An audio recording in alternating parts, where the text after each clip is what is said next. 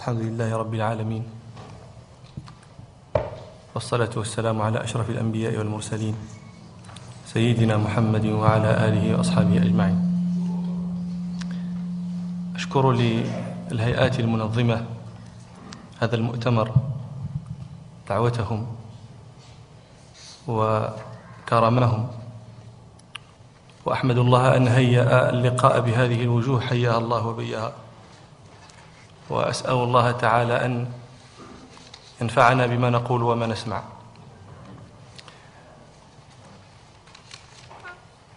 أقدم بين يدي كلامي عذرا.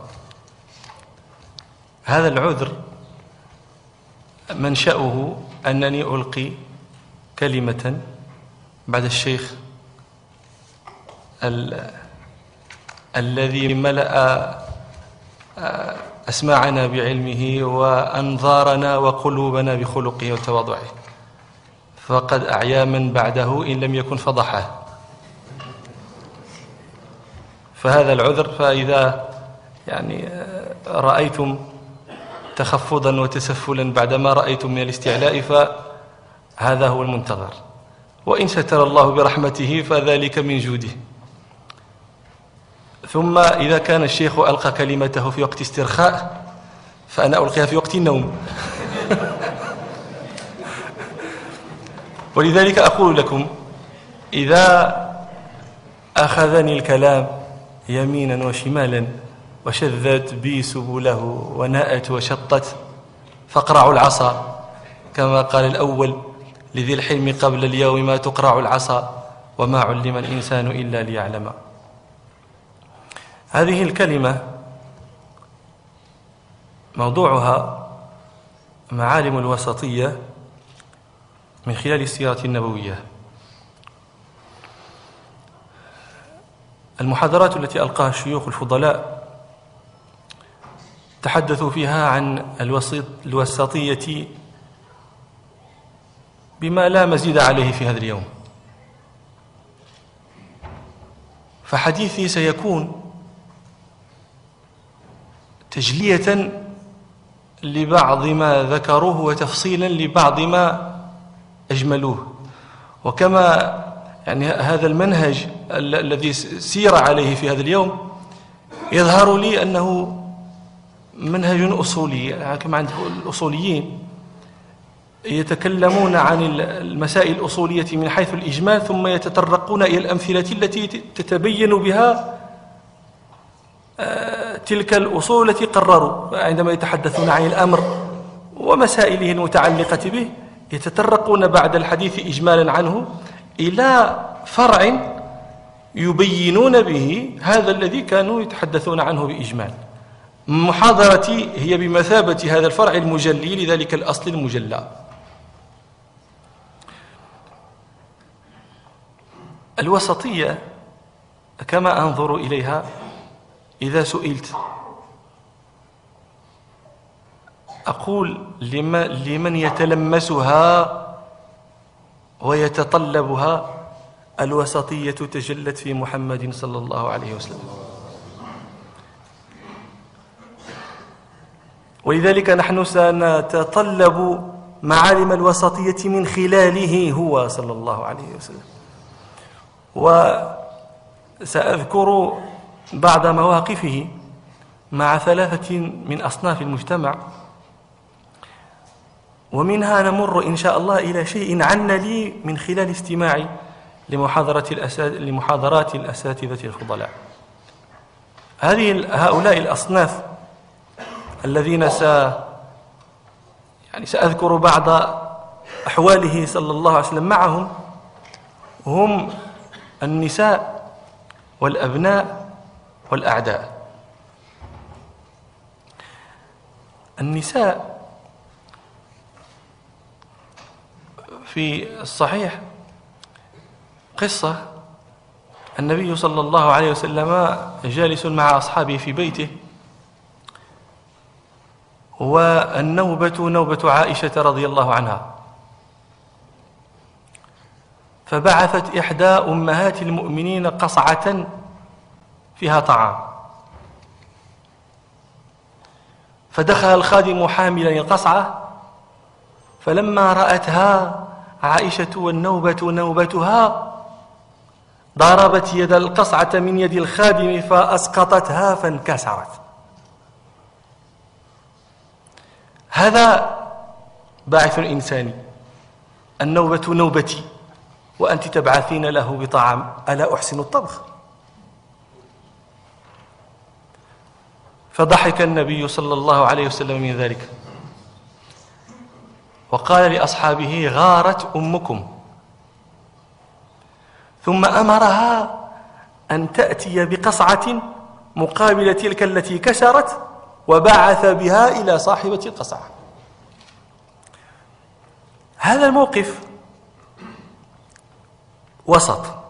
وسط بين ماذا وماذا؟ وسط بين غضب أهوج قد يقوم به أحدنا. إذا رأى زوجته تستطيل عليه أمام أضيافه ممن يقدرونه قدره ويضعونه في المقامات الراقية السامية فكأنها تبين لهم أن هذا الذي تقدرونه قدره أنا هذا الذي أصنع به ما يهدى إليه. فمثل هذا طبيعيا النزعة الطينية كما أشار إليه الأستاذ النزعة الطينية تقتضي أن يعني أن يصنع ما تشاهدون وتعرفون. والطرف الآخر هو عدم عدم تحرك وعدم مبالاة. كأن شيئا لم يكن أحيانا بعض الناس يتصرف إذا صنع شيء أمامه يهمله إهمالا تاما حتى لا تنصرف أنظار الناس إليه. وهذا قد يفهم منه أنه لا يبالي بتلك التي كسرت قصعتها. فهذا الموقف وسط بين هذين الطرفين اللذين لا أشك في ذمهما. ثم فيه بيان للمسوغ أنها غارت وهذا شيء طبع الله عليه بنة آدم. بالنسبة اسمح لي نسيتك. تفضل faut pas commencer à dormir dès maintenant. donc, donc j'invite ces trois catégories. موقفه صلى الله عليه وسلم مع الصنف الثاني أعني به صنف الأبناء هذا اخترت يعني وسطية أو موقفا وسطا تجلى في موطنين صحيح أن رجلا دخل على النبي صلى الله عليه وسلم فوجده يقبل أحد أحد بني بنيه لعله الحسن أو الحسين. فتعجب الأعرابي أنتم تعرفون أن الأعراب يعني منهم جفاة غلاظ. فلما رأى النبي صلى الله عليه وسلم يقبل أحد أحفاده تعجب فقال أو تقبلونهم فوالله ما نقبلهم. فقال له النبي صلى الله عليه وسلم وما أملك أن نزع الله الرحمة من قلبك. هذا التقبيل هو تجلي رحمة ساكنة في القلب. هذا قد يعطي صورة للنبي صلى الله عليه وسلم. هو يذكر أنه كان النبي صلى الله عليه وسلم يعني مرة كان في المنبر فأتى أحد بني فاطمة رضي الله عنها يرفل في ثوبه و آه، فنزل النبي صلى الله عليه وسلم من منبره فحمله ثم رجع إلى المنبر وقال آه، إيش قال؟ إن ابني هذا سيد ولا لا لا مش هذا. صدق الله العظيم. إنما أموالكم وأبناؤكم إنما أموالكم وأولادكم فتنة. نعم. بارك الله فيك. النبي صلى الله عليه وسلم هذه هذه المواقف المتكررة قد تعطي أن رسول الله صلى الله عليه وسلم شفقة شفقته شفقة منبعثة فطرية لا تحكم له فيها. وهذا شيء لا يمدح به. الفرنسيون عندهم واحد المثل يصب في هذا يقولون تخو إلى آخره. في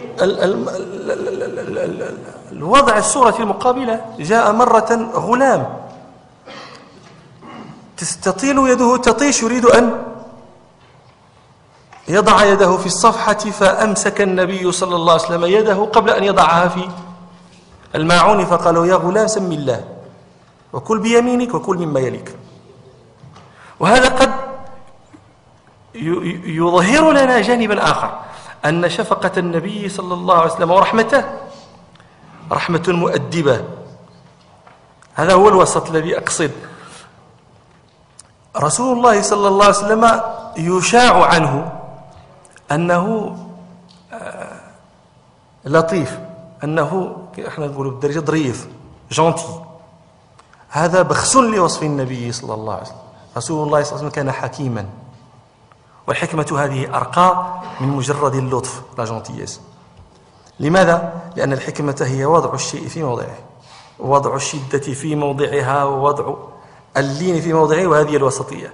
لما رآه جائيا يتساقط ويتعثر في أذياله نزل وحمله وكان يخطو في الناس. ولما رأى الآخر جاء متلبسا بما لا ينبغي من الأخلاق أمسك بيده قبل أن تضع في الإناء. قد يقال لا النبي صلى الله عليه وسلم لطيف وظريف كذا يشفق على ذاك الوليد وخليه ياكل ربما جاع ربما كذا. وهذا هو هذا موطن أو ملحظ من ملاحظ هذا الوسط في هذه الموقف. هذا الوسط في هذه الموقف. الموقف الثالث أو الصنف الثالث. هو موقف مع أحد أعدائه الذين كانوا يقدرون على إيذاء مجتمع المسلمين ثمامة بن أثال كان سيد بني حنيفة وبنو حنيفة هذا موقع في اليمامة في شمال الجزيرة العربية. واليمامة هي سوق الحجاز.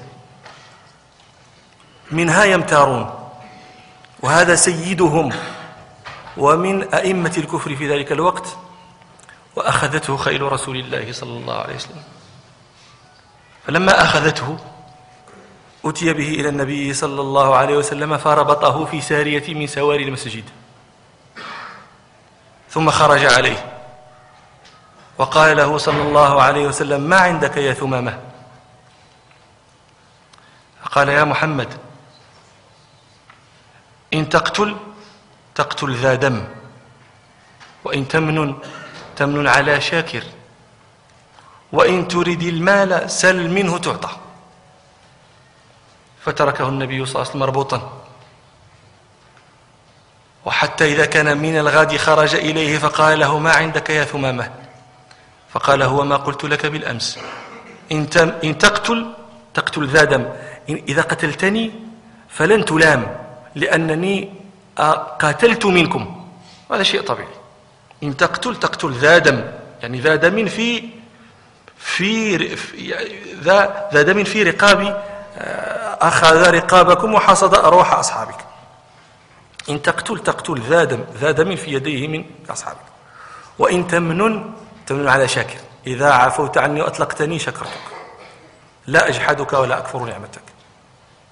وإن تكن المال تريد تريد الفداء سل منه ما تشاء. تعطى.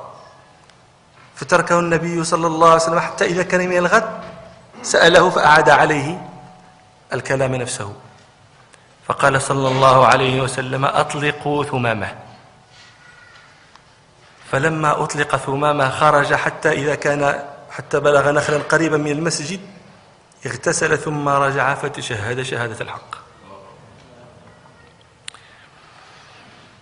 هذا الموقف. أين تتجلى وسطيته؟ النبي صلى الله عليه وسلم أمسك عدوا في غير عهد ولا ذمة وفي غير شهر حرام. وذلك العدو عدو نال من المسلمين وقتل منهم. ثم هو عدو يمسك اقتصاد المجتمع المسلم الناشئ في يده. اقطعوا عنهم الميرة هلك الناس جوعا.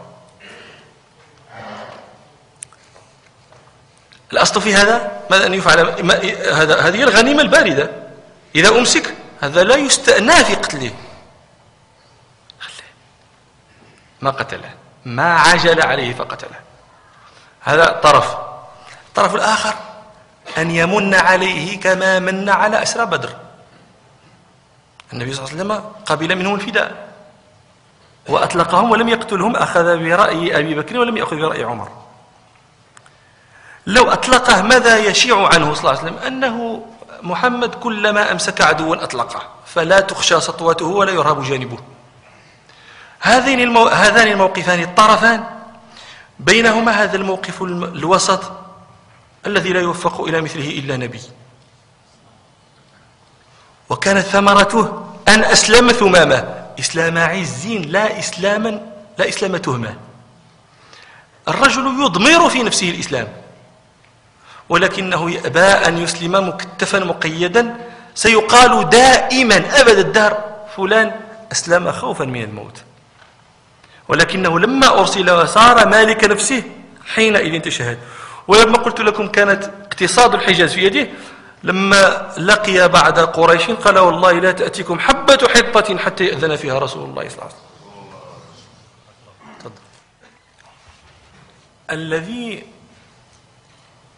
عنا لي من سماع محاضرات الأساتذة الفضلاء فيما يتعلق بموضوعي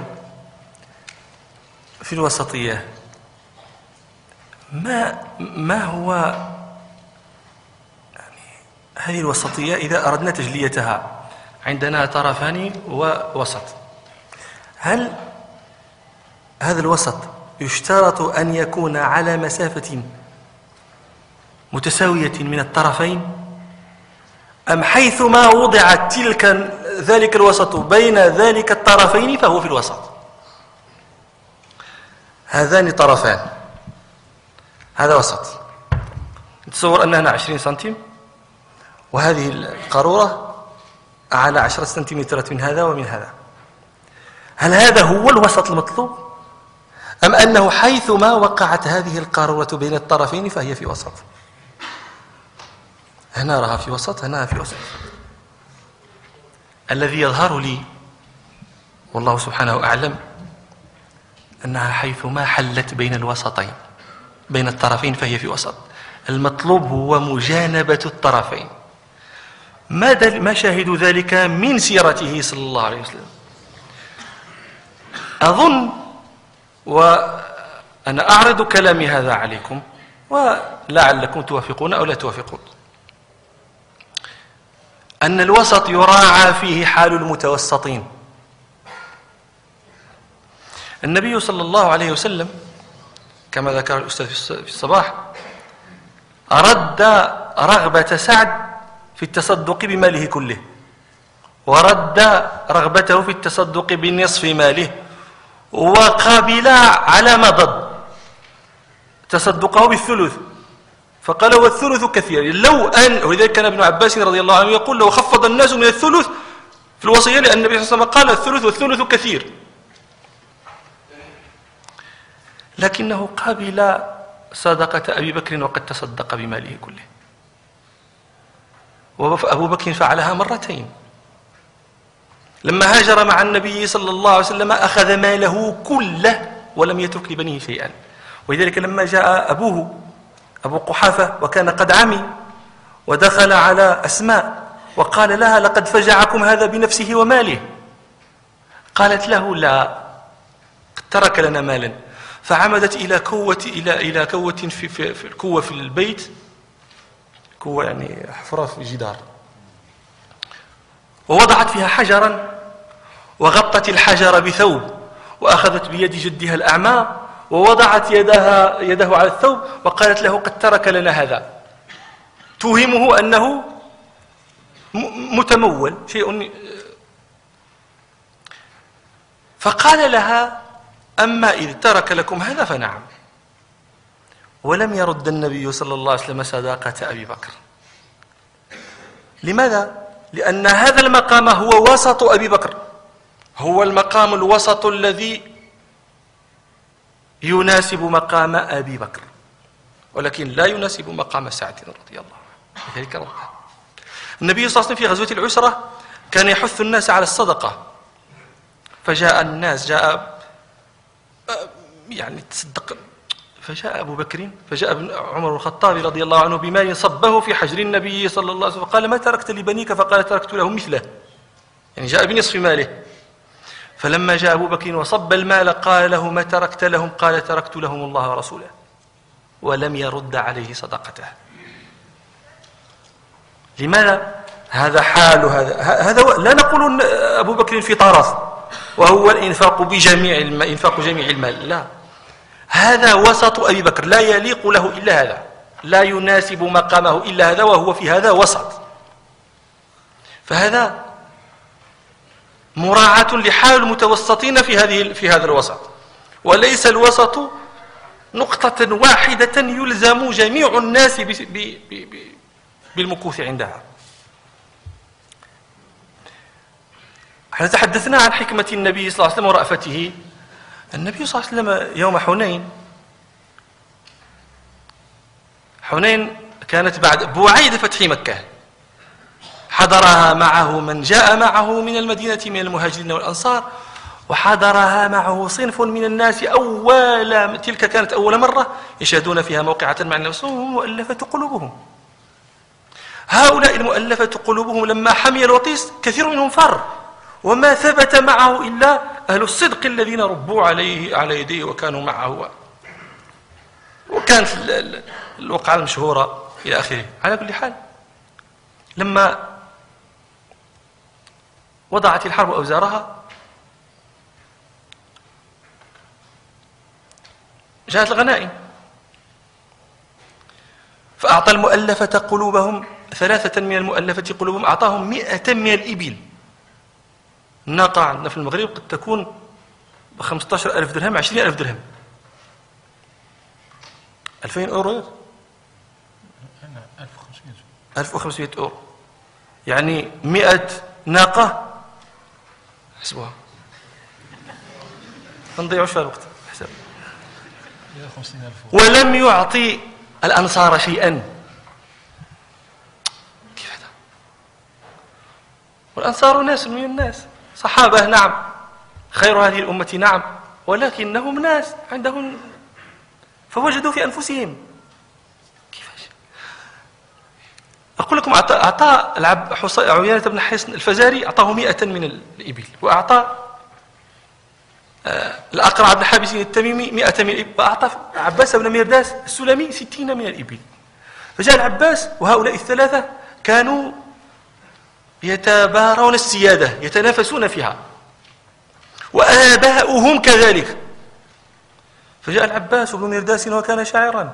فقال للنبي صلى الله عليه وسلم أتجعل نهبي ونهب العبيد؟ العبيد اسم فرسه أتجعل نهبي ونهب العبيد بين عيينة والأقرع؟ عيينة بن حسن الأقرع بن وقد كنت في الحرب ذات درء فلم أعط شيئا ولم أمنع ستين الإبل قال لم أعطى شيئا ولكن لم أمنع. في واحد المنزلة وسط. فلم أعط شيئا ولم أمنع وما كان حصن ولا حابس. الآباء يفوقان مرداس في المجمع. وما كنت دون امرئ منهما ومن تخفض اليوم لا يرفع. اللي خفته اليوم يا رسول الله لن يرفع أبدا. فكمل النبي صلى الله عليه وسلم له مئة وأسواه بأصحابه. هؤلاء هذا كلهم هؤلاء مؤلفة قلوبهم هؤلاء. ولم يعطي أصحابه الذين كانوا معه شيئا. فوجدوا في أنفسهم فقال تلك الخطبة المشهورة المعروفة لما جمعهم أتاه آت فقال إن الأنصار وجدوا في أنفسهم أعطيت فلان وفلان ولم تعطيهم شيئا كأنك تحن إلى قومك. وصافي لما فتحت مكة فقال اجمعوا لي الأنصار. وأتاهم وخطبهم تلك الخطبة المؤثرة التي قال فيها ألم أجدكم ضلالا فهداكم الله بي؟ فيقولون بلى الله ورسوله أمن. ألم أجدكم أعداء فألف الله بينكم بي إلى آخره؟ ثم قال يا معشر, معشر الأنصار ما لكم لا تجيبون؟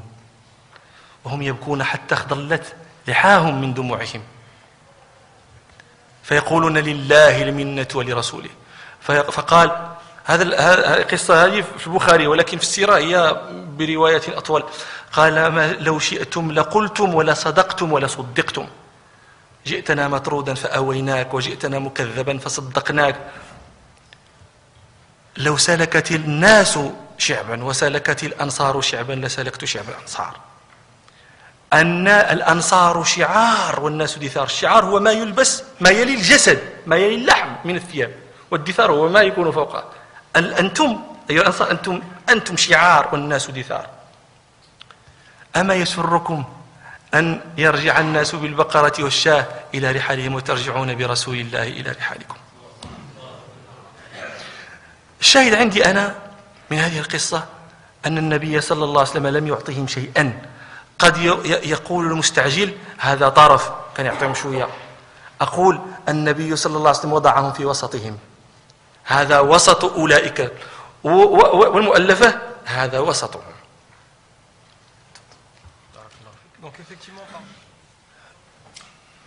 سمعتم آه، في المحاضرات المتقدمة آه، حديث الثلاثة الذين أرادوا سلوك مسلك في العبادة. أولهم يصوم ولا يفطر وثانيهم يقوم ولا ينام والثالثهم لا يتزوج النساء. فرد الله رد الرسول الله صلى الله عليه وسلم على الثلاثة عزمهم. لما في ذلك من الإكثار من الإدام من, من, من العبادة التي قد يتوقع أن تؤول إلى ملل وإلى سأم. الإكثار الإكثار هذا يكون بطريقتين. إكثار في الزمن وإكثار في في العمل. أبين. هؤلاء مثلا نمثل بذلك الذي أراد أن يصوم فلا يفطر. هذا الصوم عبادة واحدة. لكنه يديمها ويطيلها في الزمن. هذا إكثار.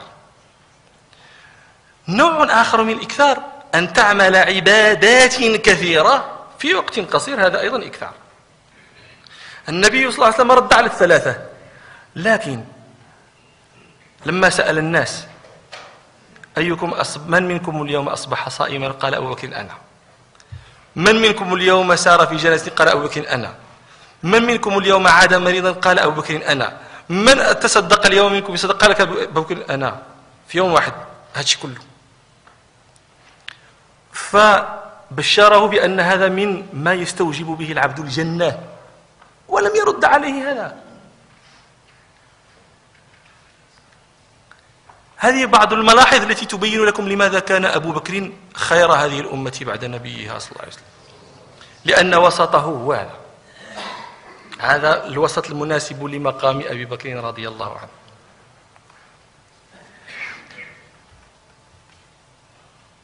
الصحابة قال ربنا سبحانه وكذلك جعلناكم أمة وسطا. هذا المجعول. ضمير النصب هنا. هو الأمة. لكن الصحابة هؤلاء الصحابة داخلون فيها دخولا أوليا لأنهم هم الذين عاصروا الخطاب. إذا الصحابة, الصحابة وسط بنص القرآن. طيب. هذا الذي رده النبي صلى الله عليه وسلم على أولئك الثلاثة كان يعمل بعضه عثمان رضي الله عنه. فكان يقوم الليل كله. يقرأ القرآن قالوا في تراجمه ربما ختمه في ليلة. وهذا يدلكم عليه بيت حسان الذي ذكره في مرثيته. ضحوا بأشمط عنوان السجود به يقطع الليل تسبيحا وقرآنا. كيش النوم تسبيحا وقرآنا. لماذا لم يرد هذا على عثمان؟ سيقول قائل النبي صلى الله عليه وسلم كان مات في ذلك الوقت. لماذا يفعله عثمان وهو من المجعولين وسطا بنص القرآن؟ لأن هذا وسط أولئك الصفوة. وهذا هذا الذي يعني أقول إنه هذا الوسط هو هو مجانبة الطرفين وحيث ما وقع يعني حيث ما وقع ذلك يناسب المقام الذي يقع فيه إذا جونب الطرفان.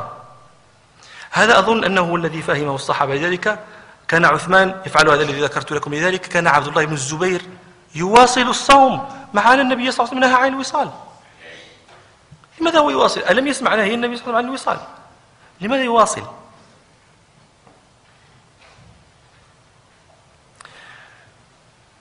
وهذا أيضا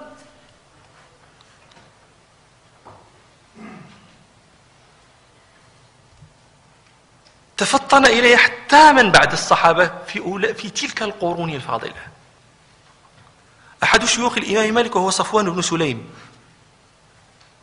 يقول فيه الإمام مالك كان صفوان بن سليم إذا كان الصيف يصلي في جوف البيت وإذا كان البرد الشتاء يصلي فوق سطح البيت يتيقظ بالحر والبرد. لا ينام الليل هذا صفوان بن سليم.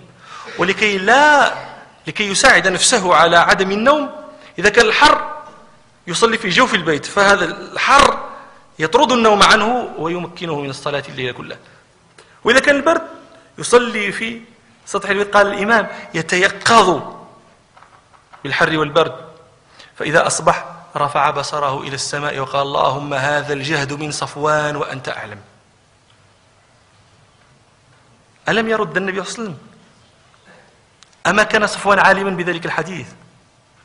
ولكنها مقامات ولم يخرج عن الوسطية.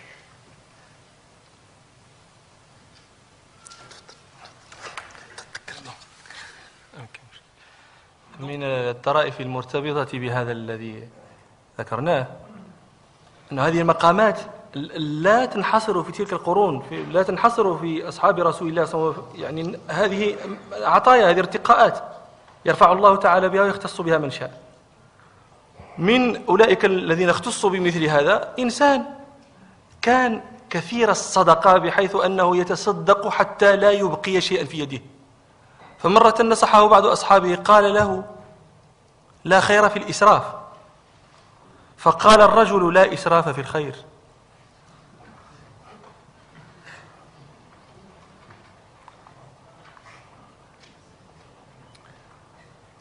إذا فهمنا هذا الذي كنت أحوم حوله من أن هذا الوسط مناسب للمتوسطين. أرجع فأقول إن النبي صلى الله عليه وسلم كان يشرع الأوسط المناسب للجماهير المناسبة للأكثرين المناسبة للضعفة. ولذلك النبي صلى الله عليه وسلم يبين الوسط الذي يقدر عليه أكثر الناس ولكنه لا يوصد الباب على مريد الارتقاء. تجدون هذا في حديث معاذ المذكور في المحاضرة السابقة.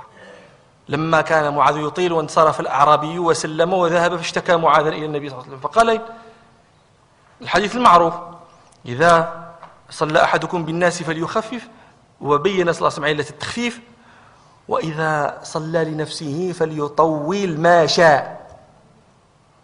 ما شاء غير محدودة هذه إذا صلى للناس هذه رعاية الجمهور الوسط الذي يقدر عليه الضعفة ولكن أنت لنفسك الوسط تعرف أنت تضعه لنفسك. طويل ما شئت.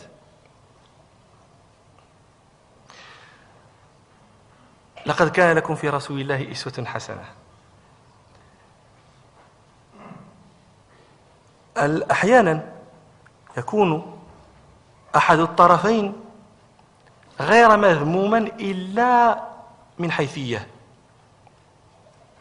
يكون الوسط ويكون أحد الطرفين هو الأورع هو الأحوط. الأحوط هذا سبيله محمود وسبيله ممدوح. ومن تطلب دائما مواقع الأحوط هذا نفذ بدين سليم وذهب إلى الله معافى لكن ما, المشكل؟ المشكل هو إرادة حمل الجمهور على الأوراق. هذا المشكل. من اختار لنفسه هذا لا يلام. إذا اختار مختار لنفسه أن يتورع في مواطن الخلاف. هذه مسألة اختلف فيها العلماء. أنا أختار الأورع وهذه مسألة اختلف أنا أختار الأورع أنت لك أنت وما اخترت لنفسك. لكن عندما تبدأ في حمل الناس على الذي اخترته لنفسك وهنا تخرج من وسطيتهم التي راعاها النبي صلى الله عليه وسلم للضعافة والجمهور إلى وسطية أهل الرقي وأهل السمو مما لا تناسب الجماهير. لذلك الأصوليون بعض أصولي الملائكة المالكية يفرقون بين مراتب المندوب. يقول آه، أحد المالكية له نظم في أصول الفقه المالكية يقول ومستحب سنة تطوع رادفة الندبة وقوم نوعوا مستحب السنة والمندوب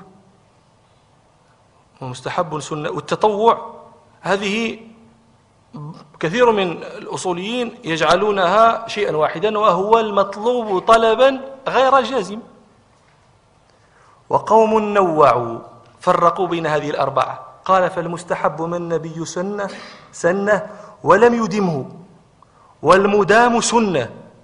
ثم التطوع. ما هذا التطوع؟ ثم التطوع لما أنشأه شخص من الأوراد وابتدأه هو. التطوع أن تتطوع فتلتزم قربة وتسير عليها كأن تلتزم قراءة آه، خمسة أحزاب كل يوم أو تلتزم صلاة عشر ركعات كل ليلة. هذا تطوع. لكن هل هذا لا يمكن أن تحمل الجماهير عليه. لماذا؟ لأنك إذا رمت حمل الجماهير على الوسطية المشروعة للجماهير خرجت من الوسطية للجميع. ولكن إذا كنت من أهل الارتقاء ومن أهل المقامات السامية واخترت لنفسك اختيارا من غير إلزام الجماهير فلا يقال إنك في أحد الطرفين. لا بل إنك في وسط يناسبك. هذا الذي ظهر لي أشكركم على حسن استماعكم وأستغفر الله من خطأ يكون في هذا الذي سمعتم وأحمد الله على صواب يكون فيه. وسبحانك اللهم وبحمدك أشهد أن لا إله إلا أنت أستغفرك وأتوب إليك. بارك الله فيك.